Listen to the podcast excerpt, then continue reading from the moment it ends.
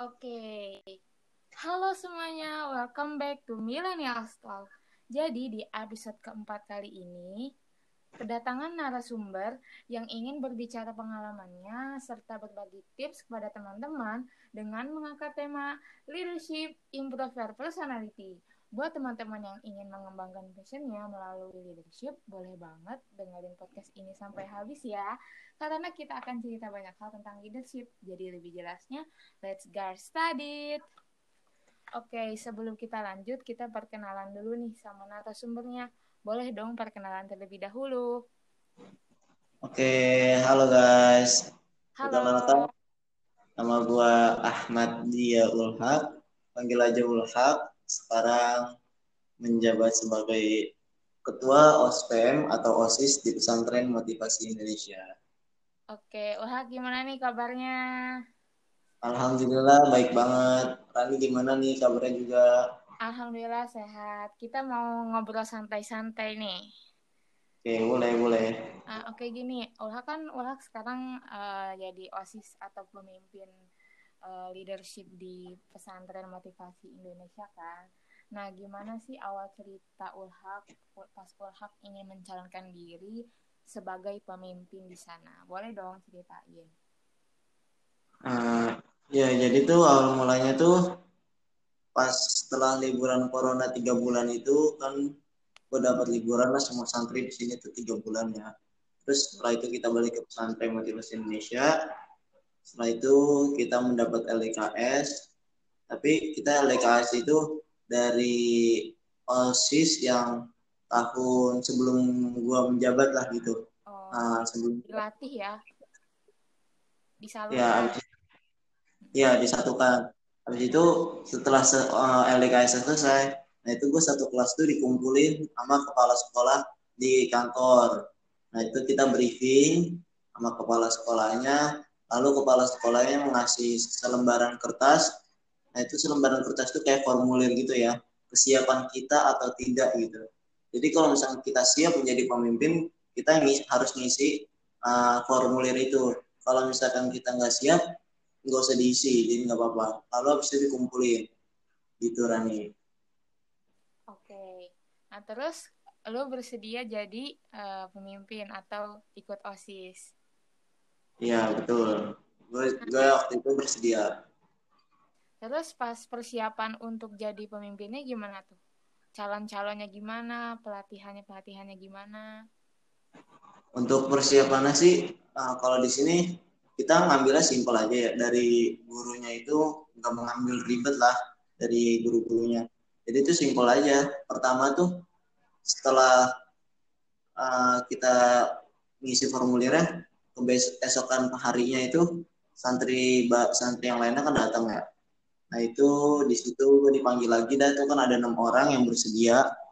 Uh, di antaranya empat cewek, dua cowok. Nah di situ dipanggil lagi. Nah hari itu juga gue semuanya berenam harus menyiapkan visi misinya masing-masing untuk di-showkan atau ditampilkan uh, kepada santri yang lainnya di malamnya buat malamnya jadi kita dari pagi sampai sore itu kita nyiapin visi misinya. Nah sedangkan mereka itu datangan berdatangan dari rumah uh, buat belajar lagi di pondok lah itu. Setelah kita ngasih visi misi di depan mereka, lalu ada pemvotingan. Jadi pemvotingannya itu menurut mereka tuh visi visi misi siapa yang layak gitu buat ditam buat ditampilkan di tahun yang akan datang gitu barat ya. Nah habis itu kita dipilih enam orang itu. Nah yang kepilih itu cuman ada dua orang yang benar-benar masuk gitu. Nah dari dua orang itu nanti kan ketahuan siapa yang jadi presidennya siapa yang jadi wakilnya. Jadi empat orang tereliminasi dua orang yang masuk. Setelah setelah pemvotingan terus gue di situ yang masuk ya sama satu lagi cewek nah itu gue berdua masuk. Habis itu kita uh, dua satu hari ke depan itu kayak ada besoknya lah ya ibaratnya besoknya lagi kayak ada ibaratnya tuh kayak apa ya kampanye kampanye kampanye kayak gitulah terus macam-macam deh tapi nggak nggak terlalu ribet ya. Setelah itu habis kampanye malamnya kita kayak ibaratkan tuh kayak ngasih pendapat lah jadi bukan debat gitu. Jadi kita kayak ngasih pendapat kita masing-masing. Kalau misalkan uh, nanti dari kayak moderatornya nanya nih kalau misalkan ada santri yang keluar tanpa izin tindakan yang harus dilakukan sama kita tuh apa gitu. Jadi pendapat masing-masingnya gitu. Dan antara gue sama yang satunya lagi tuh yang pilih gitu kan oke. Kan tadi uh, visi misi ya visi misi gimana biar santri itu yakin bahwa dia tuh cocok jadi pemimpin. Nah, pada saat itu lu tuh apa sih visi misinya buat pesantren gitu? Nah, visi misi gue itu waktu itu kan di sini kan ada Satya Jiwa PMI ya. Itu ada kejujuran, tanggung jawab, mandiri, kemandirian, ketangguhan dan kreativitas. Nah, itu dari enam itu gue cangkup jadi jadi satu gitu. Misalkan gue bakal mau menjadikan tuh santri lebih jujur lagi seperti nanti kayak berbicara atau yang lain-lainnya. Nah terus gue dengar juga tuh ada salah satu santri adik kelas gue dia ngedengar gue ngedengar sih uh, katanya dia tuh milih gue karena dia itu ngedengar kayak ada visi misi gue tuh tentang kebersihan jadi tuh benar-benar kebersih dia uh, orangnya itu benar-benar ini banget ya sama kebersihan gitu peduli banget jadi makanya dia milih gue pokoknya jadi dari Satya Jiwa itu gue campur menjadi visi misi gue gitu.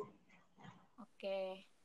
Terus pernah lu pernah nanya gak sama teman lu gitu kenapa ah, salah satu beberapa teman lu ada yang milih lu itu karena apa sih gitu.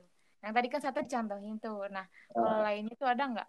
Kenapa lu lu kan pasti penasaran kan eh kok pada milih gua ya gitu kan. Nah, kenapa sih lu ada yang lu pernah nanya kayak gitu nggak?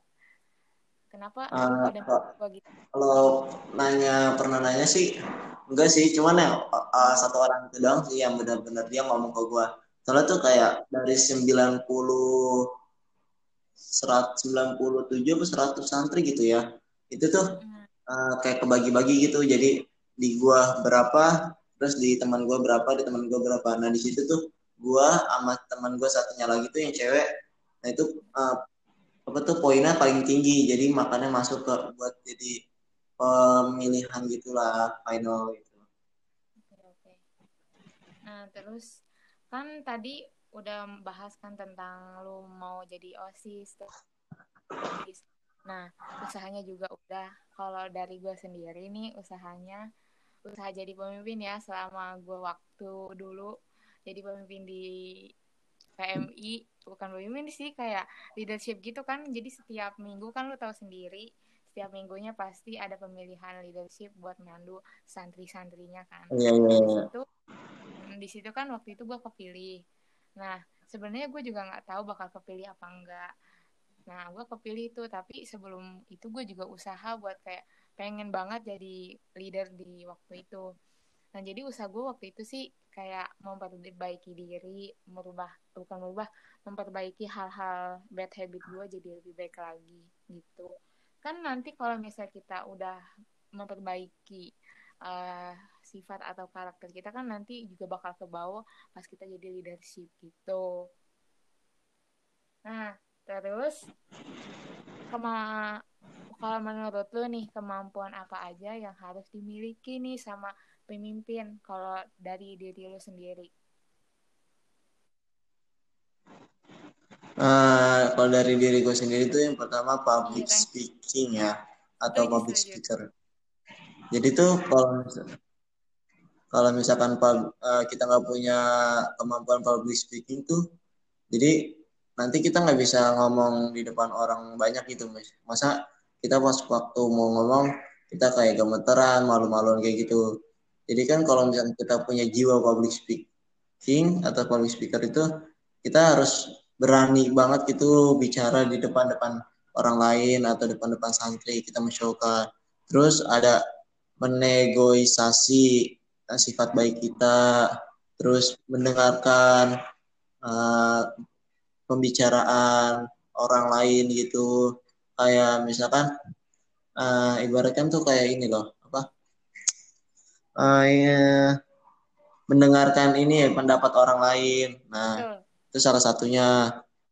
Terus kita harus menshowkan bisa membangkitkan bisa membangkitkan semangat orang lain gitu dan sebagainya lah banyak gitulah Kalau misalkan dari Rani sendiri itu menurut Rani itu gimana sih? Tadi ada yang udah, udah sampaikan yang pertama itu public speaking emang benar itu soalnya salah satu kunci menjadi kepemimpinan. Soalnya kan uh, apa, apa pemimpin itu kan pasti kita akan dihadapkan dengan banyak orang ya. Banyak orang uh, berbicara depan depan panggung gitu kan. Sebenarnya pas kita awal-awal nih public speaking pasti iya pasti ada rasa gemeter, nervous kan. Tapi itu tuh wajar. Tapi kalau misalnya kita udah terbiasa, pasti kita akan ter percaya diri dan bisa menumbuhkan rasa public speaking, berbicara depan umum gitu. Terus yang kedua yaitu apa sih uh, nih kerjasama antar tim uh, menumbuhkan rasa kebersamaan dan solidaritas tinggi jadi kalau misalnya kita nggak saling kalau misalnya kita saling egois lah saling pengen menang sendiri ya nggak bakal uh, terrealisasi programnya kalau kita tidak menemukan rasa kebersamaan atau rasa solidaritas tinggi. Kalau murni dari gue itu dua ya. Tuh. Itu public speaking. Itu cara berkom atau cara berkomunikasi dengan orang. Yang kedua yaitu kerjasama antar tim menumbuhkan rasa solidar solidaritas tinggi. Itu nah terus yang kelima sifat atau karakter nih yang tadi um, udah disebutin Maul Hak ada tambahannya nggak kalau misalnya karakter yang harus di, dimiliki itu sama pemimpin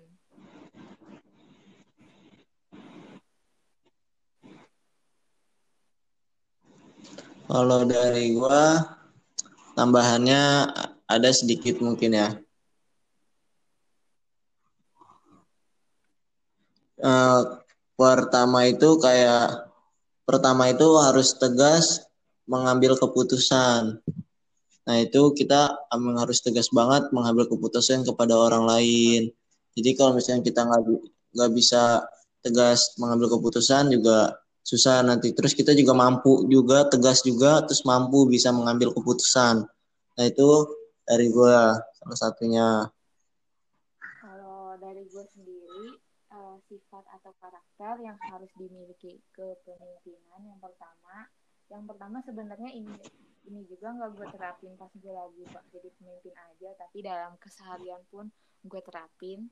Yaitu yang pertama perlakukanlah orang lain sebagaimana ingin diberlakukan karena kita sebagai makhluk sosial sebagai uh, ini sebagai makhluk sosial kita kan nggak mau dibeda-bedain kita nggak mau didiskriminasi kita nggak mau uh, diremehin oleh orang lain. Jadi perlakukanlah orang lain sebagai sebaik mungkin gitu. Terus yang kedua itu tegas benar kata Uha kita harus tegas ambil keputusan kita harus tegas memperlakukan orang gitu. Kalau misalnya orang lain meng kita ya kita harus bersikap dan bertindak tegas. Terus uh, ngambil keputusan juga. Kita nggak boleh uh, ambil main langsung Racus ini harus kita pilih ini tapi kita harus tegas harus memilih nih apakah nanti jalannya baik atau enggak gitu ada oh, lagi ya, nih satu ya mungkin hmm. uh, disiplin sama visioner. Hmm. Disiplin itu ya kita benar-benar harus berdisiplin dan mencontohkan juga yang baik itu benar tadi apa kata Rani. Jadi kita harus yang baik juga kepada yang kepada rakyat-rakyat kita nantinya.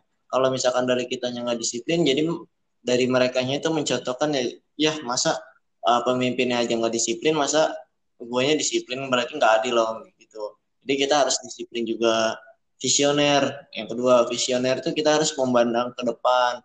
Jadi uh, kita nggak boleh tuh memandang ke belakang aja. Jadi kita harus ke depan. Jadi gimana nih nanti jadinya kalau misalkan santri-santri nggak ngikutin. Jadi kita harus visioner banget gitu melihat memandang ke depan terus. Kita nggak boleh lihat ke depan ke belakang gitu.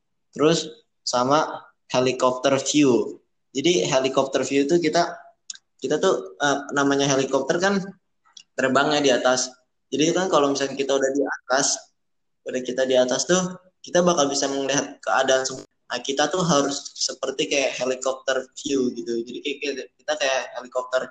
Jadi kita harus melihat semua keadaan dari atas. Kalau misalkan ada yang kekurangan, nah di situ kita harus bangkit gitu. berarti kita harus menumbuhkan rasa yang baru atau mengambil keputusan yang baru kalau misalkan ada yang kekurangan di dalam suatu organisasi atau lingkungan kita gitu. Ya kan kita juga sebagai pemimpin ya harus bisa mencontohkan yang baik yang bisa uh, kita contohin ke para anggota ataupun member yang lainnya. Kan masa ya kita harus masa ya kita malas masa apa ya kayak misalnya kita malas nih yang pasti si anggotanya pasti nggak ada siapa. Masa ketuanya malas gitu kan? Ya sebaik sebaiknya yeah. kita menyatakan yang baik-baik gitu. Terus uh, self improvement yang udah ulhak rasain sama ulhak jadi pemimpin nih. Gimana ulhak self improvementnya itu yang udah gue rasain ya banyak banget sih ya. Uh, jadi gue lebih bisa uh, menilai orang gimana. Tapi kita juga nggak boleh asal menuduh gitu. Uh, jadi kita harus benar-benar uh, tahu gitu cara menilai orang. Terus kedua tuh kayak gue jadi bisa lebih tahu gitu cara uh, yang tadinya nggak tahu gue cara memimpin itu terus jadi banyak hal yang tak yang pengalaman yang gue tahu gitu di selama menjadi pemimpin itu. Terus gue juga jadi lebih tegas mungkin ya kalau misalkan dari gue sendiri ya begitu. Terus banyak lagi hal lain lah gitu yang bisa gue dapat gitu dari setelah menjadi pemimpin gitulah kalau dari gue sendiri waktu ini gue cerita waktu pas dulu gue jadi ini ya pemimpin. Jadi tuh gue kan ke kepilih ya jadi uh, namanya waktu itu nggak tahu namanya leadership pokoknya gue waktu itu dipilih kan. Nah dari situ gue gue pengen beda dari yang lain gitu gue pengennya beda gitu. Sebenarnya uh, kan sebelum gue itu kayak gimana ya kayak yang biasa biasa aja gitu kayak nggak ada pemimpin gitu. Nah kalau gue tuh pengen kayak beda sendiri gitu pengen beda bahwa uh, Santi tuh bisa uh, disiplin dengan waktunya dengan misalnya sholat tepat waktu terus kalau misalnya subuh nggak susah dibangunin misalnya gitu kan contohnya. Nah terus ya pokoknya gitu uh, pengen merubah pengen nge-show yang terbaik.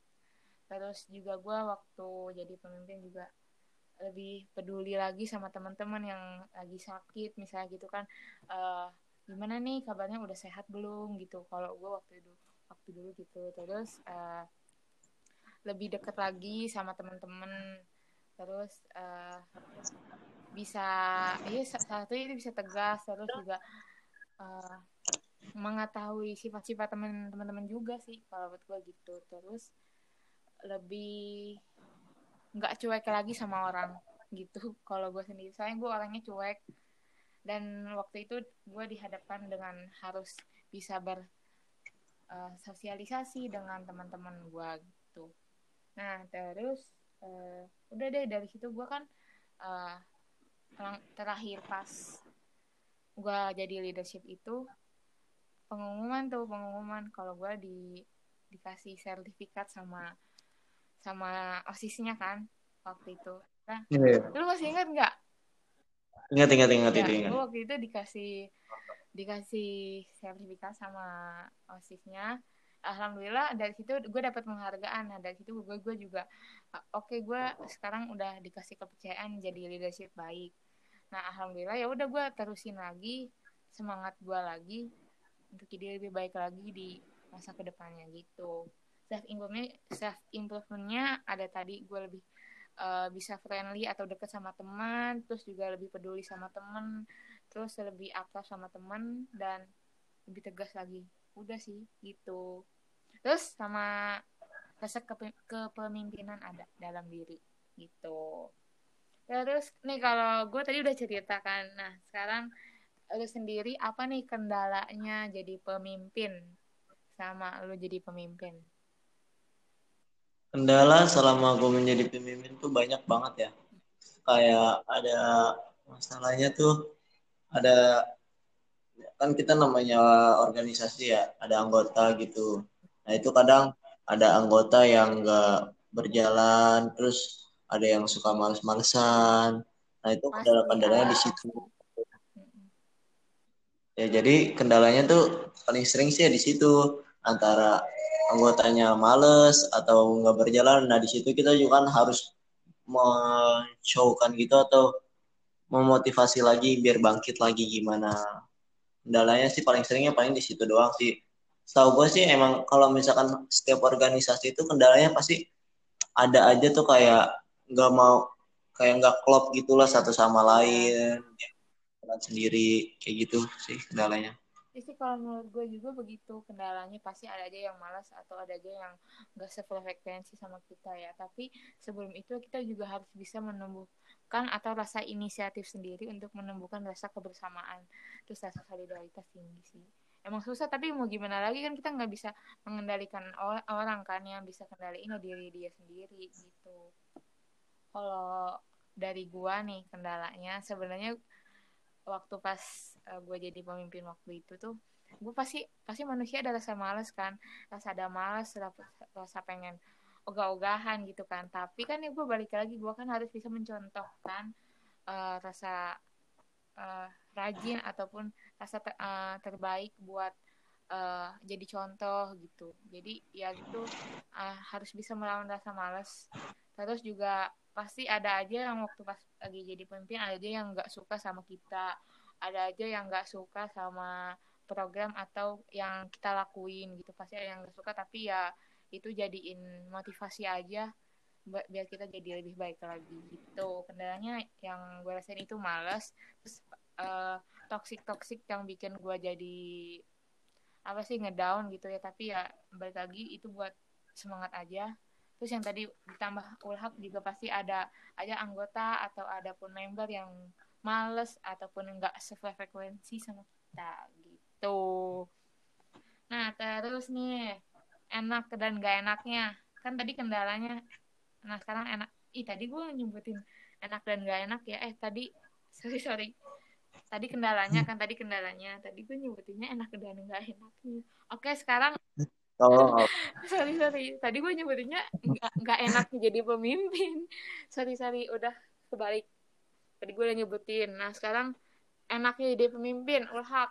Kalau dari menurut lo? Enaknya jadi pemimpin tuh, uh, kalau menurut gue sendiri sih tuh ya, uh, gue kan orangnya kayak pengen banget mendapat pekerjaan gitu ya, kayak nggak suka lebih diem gitulah. Jadi kayak lebih banyak itu pekerjaan. Jadi gue tuh senang banget orangnya gitu. Terus enaknya juga uh, jadi kayak lebih dip, uh, dipandang sama yang lain gitu. Ya sebenarnya sih banyak sih ya. Gue bingung sih kalau buat enak gak enak ngejelasin enak gak enaknya menjadi pemimpin enaknya jadi pemimpin tuh jelas banget ya.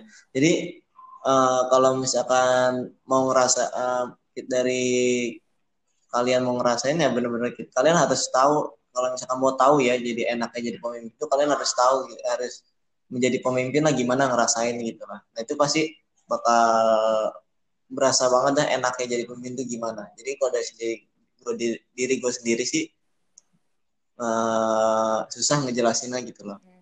nggak bisa diekspresikan lah gitu speechless kalau ya, speechless lah speechless.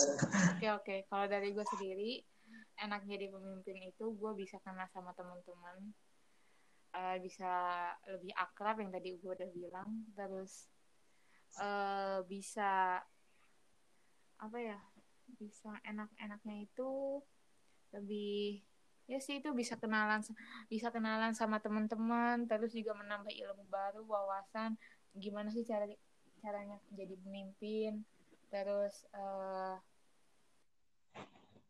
bisa bersosialisasi sama teman terus juga kita punya uh, pekerjaan baru. I mean uh, nggak kita nggak diem-diem gitu loh. I mean gimana ya kayak kita punya uh, tanggung jawab gitu biar kita jadi lebih baik. Terus itu sama ini nih kita bisa self improvement kita jadi lebih baik dan punya rasa kepemimpinan gitu baiknya itu. Tadi gue bilang nggak enaknya itu pasti ada orang yang nggak suka sama kita jadi pemimpin. Itu adalah hal yang wajar. Yang kedua tadi enaknya kita bisa memiliki self improvement atau upgrade diri jadi lebih baik lagi. Gitu teman-teman. Nah terus uh, apalagi nih? Orhak ada mau nambah nggak? Eh, apa ya? Ini aja deh mungkin menambahin ya. Hmm. Kan kalau mau ngasih tahu sedikit informasi aja ya perbedaan eh, organisasi di di luar sama di dalam pesantren. Jadi itu kalau misalkan di luar itu kan pasti udah udah biasa lah kedengarannya osis gitu ya. Nah itu kan dia intra sekolah jadi udah kayak terdaftar sama pemerintah. Pasti kalau misalkan di setiap pesantren tuh kayak punya lembaga sendiri masing-masing kayak di Gontor itu namanya lain lagi. Bukan osis terus kayak di pesantren Cirebon banyak lah kayak gitu itu. Nah salah satunya di pesantren gue nih. Pesantren gue namanya OSPM organisasi santri pesantren motivasi Indonesia. Jadi itu kayak hampir mirip kayak intra sekolah uh, sama kayak osis di luar. Cuman bedanya kita kayak masih belum terdaftar gitulah mungkin ya atau diakuin gitu organisasinya tapi kalau misalnya pesantrennya sudah bedanya juga sih kalau misalkan dari osis di luar sama osis di pesantren tuh uh, pertama ya kalau osis di luar itu kan mungkin lebih lebih enak lah ya kalau osis di luar mah. Salah menurut gue gini loh kalau osis di luar tuh kan mereka kan cuma sekolah dari pagi sampai jam Iya. 3 nah itu ngaturnya juga kan gak terlalu ribet ya. Jadi kegiatannya juga dikit kalau misalkan di pesantren tuh bener-bener kita dari bangun pagi jam 3 sampai malam lagi ketemu pagi lagi.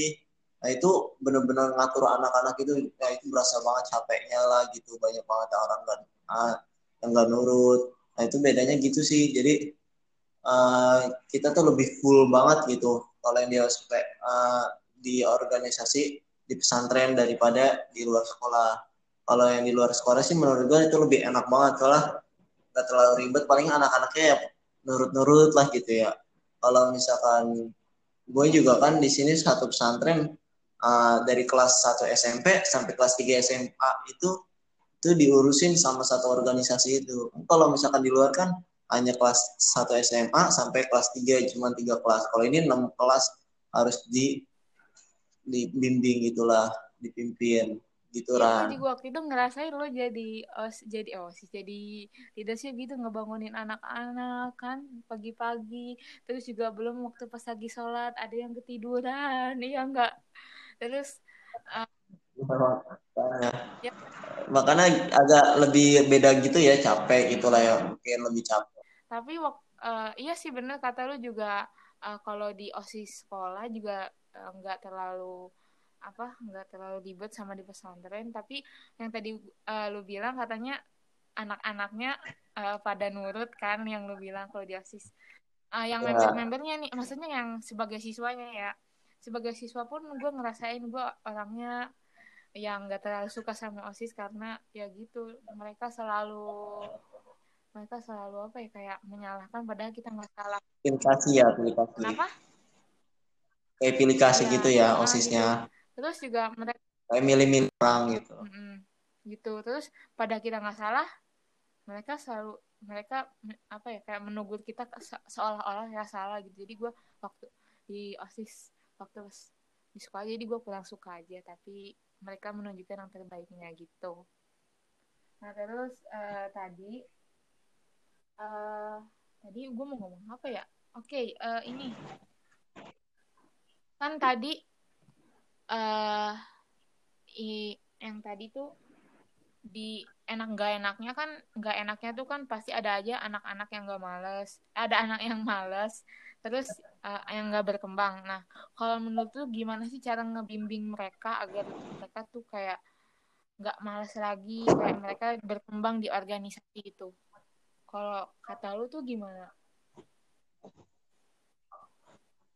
uh, kalau menurut gue sih lebih lebih berkembang itu kayak kita harus lebih banyak praktek dan terjun ke lapangannya gitu. Jadi dan mereka tahu tahu juga gimana nantinya. Kalau misalkan yang menurut, paling menurut gue yang di bawah gue mungkin nanti kan bakal jadi regenerasi ya. Jadi kita harus lebih sering terjun ke lapangannya aja. Kita melihat situasi gitu. Ya itu salah satunya helikopter view. Jadi kita harus melihat situasi lingkungan kita sendiri. Itu dan di situ mungkin nanti uh, dari sifat setiap anak itu pasti berkembang lah gimana uh, dari sifat dirinya gitu berkembang. Oke oke, kalau dari gue sendiri misalnya nih dia nggak berkembang atau uh, males atau uh, seolah-olah dia tuh kayak nggak kerja gitu kan. Nah, kalau dari gue sendiri, gue tuh nanyain, ih kok lu kenapa gitu? Kenapa kok uh, sampai sini aja nggak ada progres, nggak ada perubahan gitu? Gue tanya gini-gini. Kan dibicarain baik-baik tuh kalau misalnya dia soal jawabannya nggak sesuai apa ya, make sense gitu ya eh, kita juga harus tegas gini kalau misalkan uh, kamu nggak bisa melakukan ini dengan baik saya mohon maaf untuk untuk nggak bisa ngajin kamu nanti atau besok gitu tapi kalau misalnya uh, dia ada alasan lain yang misalnya saya nggak bisa uh, di passion ini karena saya nggak nggak passion atau nggak suka gitu kan misalnya ya. Uh, ya udah akhirnya kita kita ubah lagi atau kita diskusi lagi biar uh, dia berkembang atau semangat lagi. Dan yang tadi lu bilang kita juga harus terjun ke lapangan dan mencontohkan yang baik-baiknya. Dan udah itu. Komentar gue gitu oke okay, uh, terus uh, pesan atau tips agar bisa menjadi pemimpin dan bisa mengembangkan personalitinya. Kalau dari lu gimana? Kalau dari gua untuk tipsnya dan misalnya buat kalian yang ingin mencoba menjadi pemimpin ketua OSIS atau suatu organisasi, um, carilah pengalaman dulu, um, terus semangat juga untuk mencari wawasan baru, terus jangan lupa gitu, maksudnya kalian jangan mau gitu loh terprovokasi sama omongan uh, orang lain jadi follow your mood dan follow eh iya, ya. iya. follow your mood dan follow your mood dan follow your mood follow your mood dan follow your dream. Nah kayak gitu. Jadi ikutin aja gitu dreammu jangan uh, jangan pokoknya pokoknya follow aja gitu uh, impian lu gitu. Jangan selalu uh, ngikutin mood lu gitu. Misalkan mood males atau apa gitu. Jadi lu harus ikutin tujuan lu lah gimana gitu. Lu mau jadi apa nih ke depannya atau gimana. Nah itu jadi begitulah Oke, kalau dari gue sendiri, ini pesannya buat teman-teman yang dengerin podcast ini. Uh, misalnya, jangan jadikan kepemimpinan hanya ingin dipandang ingin dipandang hebat, punya jabatan tinggi, tapi jadikan kepemimpinan sebagai pengalaman, sebagai wawasan baru, terus juga self improvement, upgrade diri jauh lebih jauh lebih baik lagi. Masa aplikasi aja yang selalu upgrade, masa diri kita enggak. Terus uh, apa lagi ya? Oke, kalau misal teman-teman udah selesai jabatannya atau udah selesai masa kepemimpinannya, jangan jangan berhenti gitu jangan berhenti belajar terus uh, coba-coba lagi hal-hal baru dan jangan lupa untuk stay humble stay friendly stay ramah dan uh, pokoknya apa ya? friendly dan jangan pernah berhenti belajar itu kalau dari gua oke okay. pokoknya udah nih udah selesai pokoknya segini aja dan Terima kasih Ilhak udah mau menyempatkan waktunya. Senang banget. Kemarin postpone terus tapi it's okay. Thank you so much. Oke, okay, buat teman-teman yang ingin eh buat teman-teman, I mean uh, buat teman-teman yang dengerin podcast ini, semoga bermanfaat dan semoga ngebantu teman-teman untuk bisa mengembangkan passionnya melalui leadership. Dan jangan lupa untuk bagikan podcast ini ke teman-teman ya dan jangan lupa untuk di share ke semua teman-teman yang dengar podcast ini oke? Okay?